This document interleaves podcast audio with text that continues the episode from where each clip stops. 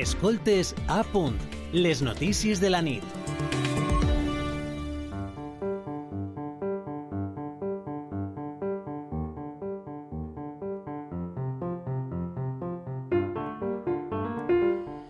I ja diuen que una imatge val més que mil paraules i és que el món audiovisual, les fotografies, els vídeos, ens transporten a llocs on no estem, ens recorden allò que hem conegut o ens mostren el que està passant en altres llocs. Es pot analitzar la societat, la història, la cultura a través del que ens mostren les imatges. Si el 27 d'octubre és el Dia Mundial del Patrimoni Audiovisual, avui, 8 de juny, és el Dia dels Arxius. I si pensem en un arxiu, podem imaginar una galeria plena de vitrines, amb documents, llibres, manuscrits. Això és la imatge que ens transmet la paraula arxiu. Però també hi ha altres arxius, els visuals i els sonors, els audiovisuals. Així, a esta casa, a punt, té un arxiu audiovisual que va arrencar l'any 1988 amb la ràdio Televisió Valenciana. S'analitzaven i arxivaven revistes, diaris, llibres i també l'arxiu sonor de Ràdio 9 i l'audiovisual de Canal 9. Hi ha 280.000 cintes de vídeo broadcast que fan 8 quilòmetres de prestatgeries. Després del tancament de Radio Televisió Valenciana el 2013, un equip de 30 persones pertanyent a este servei passa a formar part de Culturarts, però continua analitzant i documentant les imatges de la ràdio i la televisió públiques, les imatges i els, i els àudios, el so, de la ràdio i televisió públiques de les valencianes i els valencians.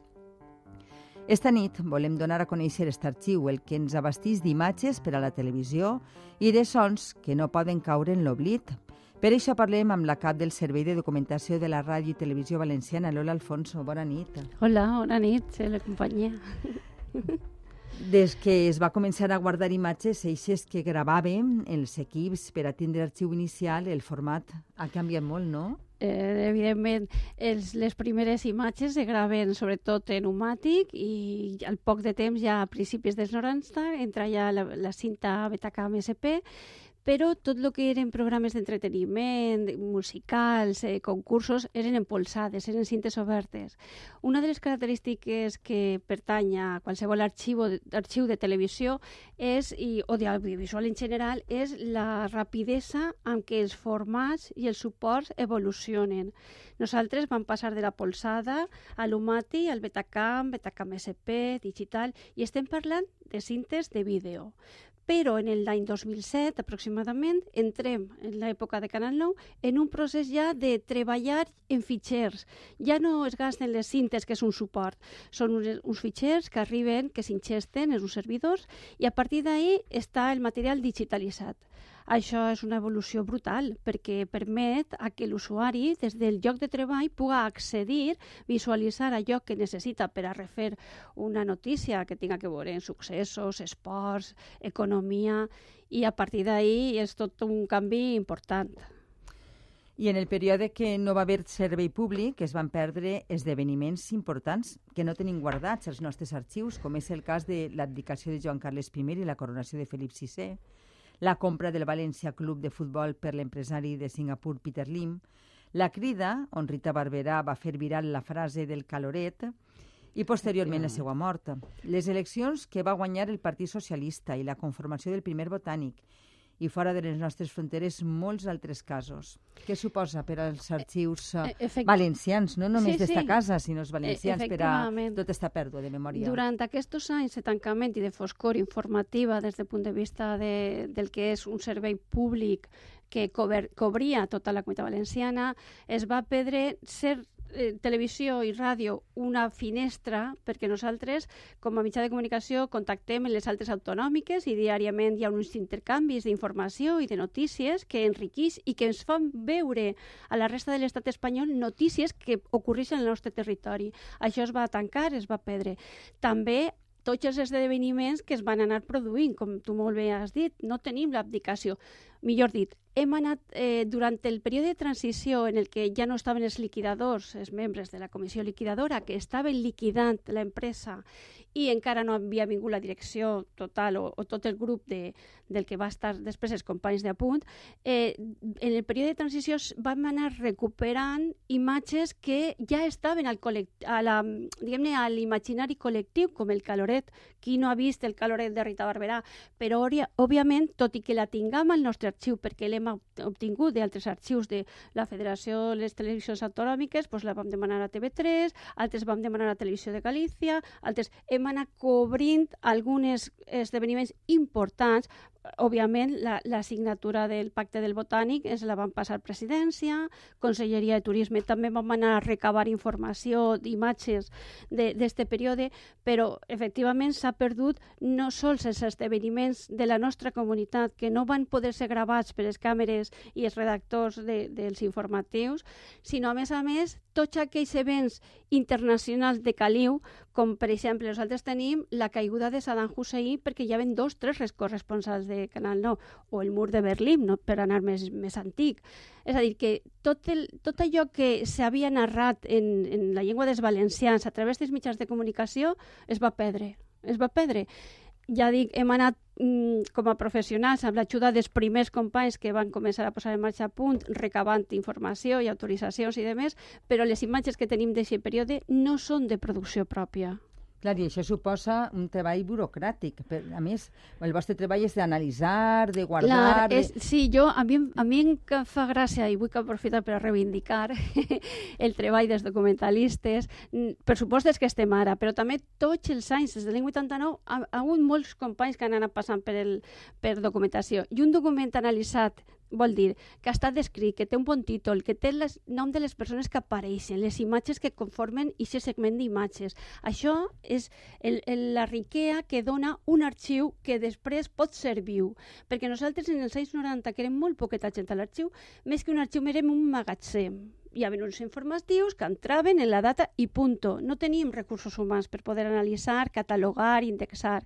I el treball del documentalista no sols és el més agraït, que és, que és el que ens agrada, ens agrada moltíssim, és aquell que quan els companys veniu i demaneu, mira que, per exemple, el cas de Marie Claire, és, és la, malauradament eh, s'està tancant una empresa amb un impacte econòmic importantíssim en, en la zona de, de Vilafranca, del Sport, de la part de, de Castelló, la part nord, i tenim imatges de l'any 95 i jo estava estos dies que, que s'estan utilitzant imatges d'arxiu de, de la fàbrica, la producció, de com parlaven els directius de l'any 95 i és, és un tresor el que tenim perquè és que és la nostra memòria. Si nosaltres volem saber com era aquesta comarca, la il·lusió, com era la maquinària, l'esforç que estaven fent la gent aquella fent les calces de Marie Claire, està en el nostre arxiu, perquè estàvem en antena, estàvem produint i estàvem eh, emitint i fent programes dossiers, el mateix que estem, hem tornat ara, no?, en apunt, que estem fent produ productes eh, d'investigació, productes d'entreteniment i, per supost, productes informatius.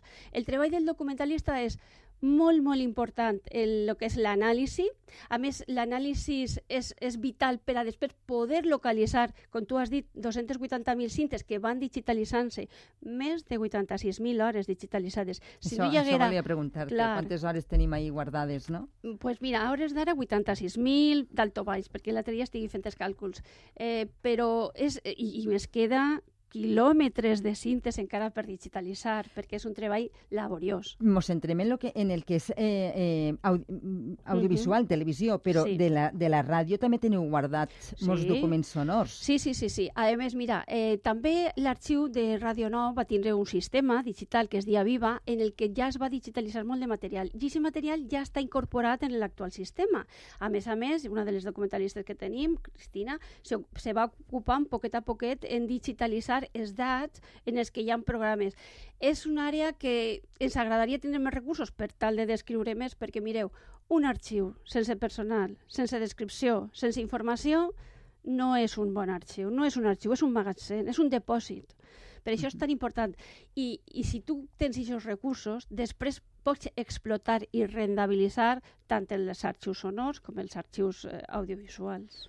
De la premsa ja no feu uh, reculls, no? Uh -huh. Però sí que tenim guardat un bon tresor ahir, eh, tant sí. en paper com després digitalitzat, no? Sí, sí, Perquè sí. jo recorde aquestes sí. imatges típiques que hi en les pel·lícules d'anar a veure eh, premsa en uns aparells que teniu ahí. Explica'm-ho. Sí, micro, mira, eh, quan van tancar, eh, el primer que van fer és inventariar. I això vol dir que els materials que van arribar de Ràdio Nou, de la delegació d'Alacant, de Castelló, de Madrid, més les cintes que, que teníem a Burxosot, vam estar comptabilitzant el que teníem i el que s'havia anat despistant al llarg dels anys i, i que no teníem. Per tant, farem l'inventari, farem la, també inventari dels materials que arribaren de la ràdio i també, per supost, de documentació escrita. De documentació escrita que en, el seu, en els anys 90, quan no el món internet, per als joves pareix increïble, però no existia el món internet.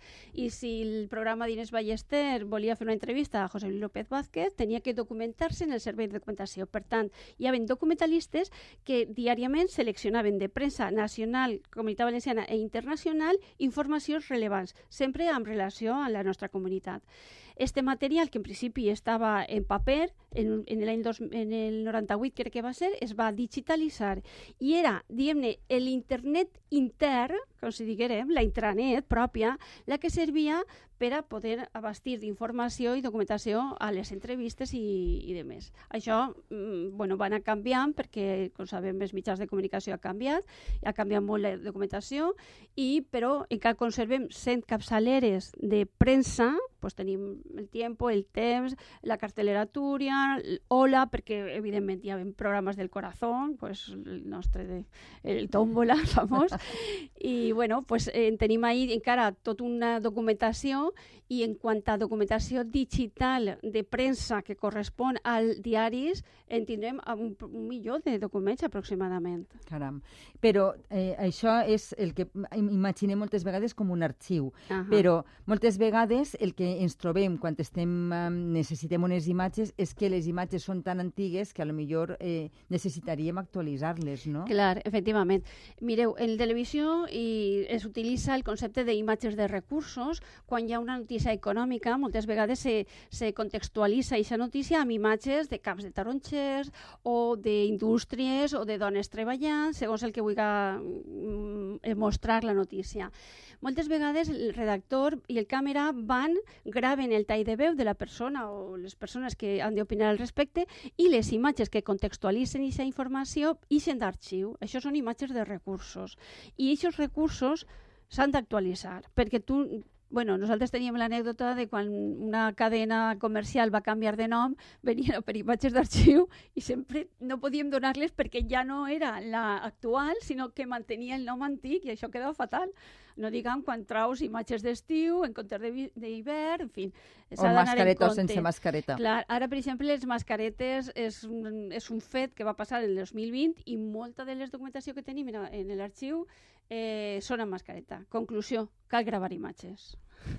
I actualitzar l'arxiu. I ja no se guarda també l'arxiu sonor, però esteu implementant un programa per a guardar-lo?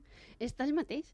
Al mateix sistema, BCN, tenim tota la producció que se fa en aquests moments, tota la, la graella de, de realització que esteu fent, la metadata que teniu, les dades, les entradetes, hem establit un flux perquè entre directament. I si nosaltres ara anarem al sistema i buscarem les notícies de la nit d'ahir o d'Espusanís, tindríem la informació que haveu generat vosaltres.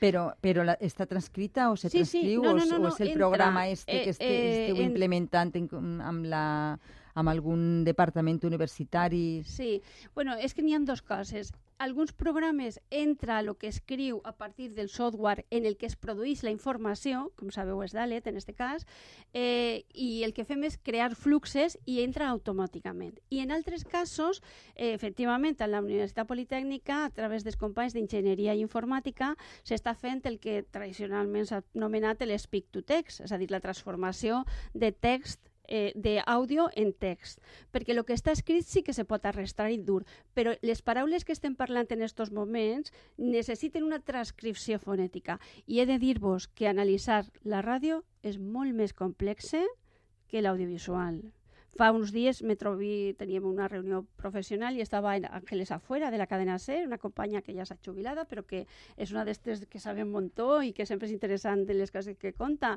I efectivament jo li dic, oye, María Ángeles, esto de, del archivo sonoro es mucho más complicado, perquè en l'època de, de Canal 9 no tinguérem, o sea, tenien coses de la ràdio, però no tingueren documentalistes, no va haver, no pogueren dedicar mm, recursos a analitzar la ràdio, malauradament. I ara estem intentant que no mos passi el mateix, però és que genereu moltíssima informació. I, I, bueno, no diguem la resta de finestres, el web, la tele, però quan és visual, tu tens els fotogrames xicotets i pots apoyar-te i recolzar-te per tal d'anar descrivint. En la ràdio, encara que vagis doble, però has d'escoltar per poder treure la substància. Per això és tan important anar a automatismes, anar a intel·ligència artificial, que tant es parla ara. Jo estic, vamos, que el, els projectes universitaris amb els companys d'enginyeria i, i informàtica estic convençuda que això és el futur, perquè, a més, les peticions dels usuaris cada vegada són passa amb allò que digué fulanet.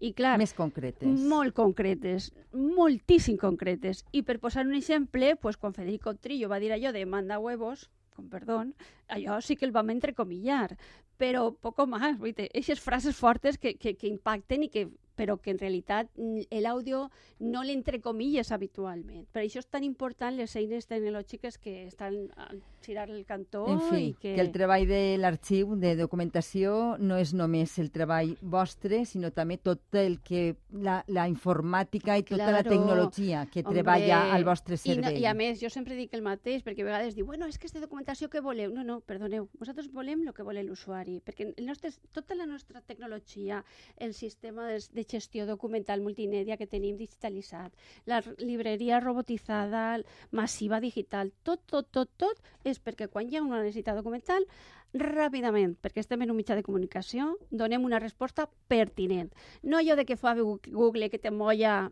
un milió de documents. No, vols fulanito en sotanito i eixe. Per això és important analitzar i per això els documentalistes han d'analitzar i també prestar les dues coses. Pues sí, moltes gràcies, Lola Alfonso, cap de documentació de, a punt de Ràdio Televisió Valenciana uh -huh.